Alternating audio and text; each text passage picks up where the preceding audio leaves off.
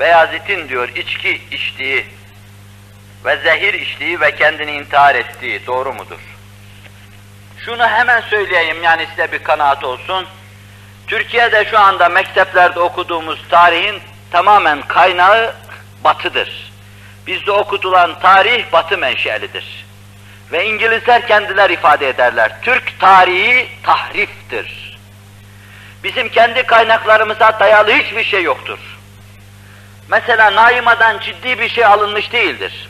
Son devrin tarihçilerinden, Cevdet Paşa'dan tarihlerimize ciddi bir şey alınmamıştır. Hele tarihin felsefesi tamamen Avrupa menşelidir. Hadiselerin değerlendirilmesi tamamen Avrupa menşelidir. Binaenaleyh Osmanlılara içki içtirme bu mevzuda ve Yıldırım Bayezid'in intihar ettiğini söyleme Avrupa tarihlerinden gelmiş bize intikal etmiş. Biz de aynı şeyi söylemişiz. Bir kere Osmanlı'yı çok iyi bilmek lazım.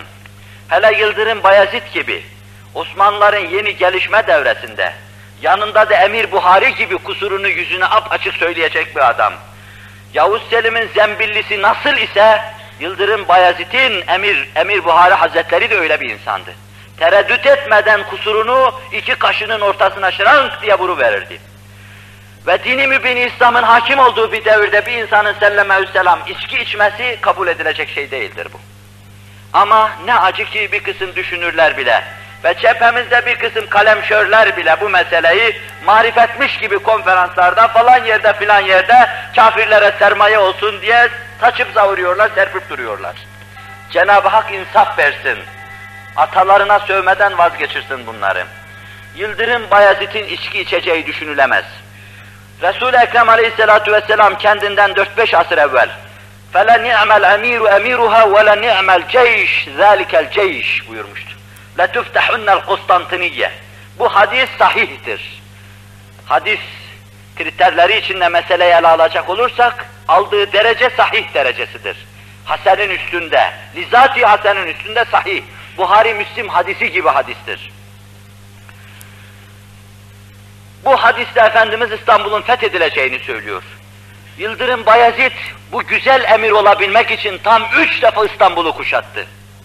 Üçünde de Allah'a dayandı, sığındı, o emir olmak istedi. Fakat nasip ona değilmiş. Onun torununun oğlunu olacaktı. Çelebi geçecekti, ikinci Murat gelecekti, Hazreti Fatih gelecekti, Allah o büyük serdara nasip edecekti. Böyle din ve diyanet aşkı, İslam adına fetih aşkı içinde bulunan bir insanın içki içmesine ihtimal verilemez. Vaka tamamen yalandır. Tamamen batı menşeli ve uydurmadır. Yıldırım Bayezid camiyi yaptırmış. Emir Buhari Hazretleri ona demiş cami çok güzel olmuş. Fakat bu caminin bir eksiği var. Nedir efendim eksiği? Bu caminin dört köşesinde dört tane meyhane olması lazımdı. Aman efendim caminin dört köşesinde nasıl dört meyhane olur? E Allah'tan korkmaz sen kalbini nasıl Allah'ın evini içkiyle kirletiyorsun da taştan topraktan ibaret olan mescit mescitte efendim orayı meyhane yapmadan şey yapıyorsun, tevekkü ediyorsun demiş falan. Bütün bunların ne aslı vardır, ne asları vardır, ne de ciddi bir kaynağı istinad etmektedir. Tıpkı bunun gibi o kadar mert, o kadar cesur bir insan, onun intihar etmesi, Temürlengin eline geçtikten sonra zehir içmesi meselesi de yine batı kaynaklarına dayanmakta esassız eraciktendir. Batı menşelidir. Bu mevzuda esaslı bir şey yoktur. Sağlam kaynaklara dayalı hiçbir şey yoktur. Biz prensip olarak tarihte yazılı şeyleri bugün ele alırken kuşkuyla ele alma mecburiyetindeyiz. Size latif bir şey anlatayım bu mevzuda. Ölçü olsun. Bizdeki tarih Avrupa'dan gelmiş tahriftir. Atalarımıza sövdüren tahriftir. Tarihçi olabilir içimizde, doğrusunu yazsın söylesin. Yeni yeni şimdiye doğru doğru şimdi doğruya doğru gidiliyor inşallah Teala.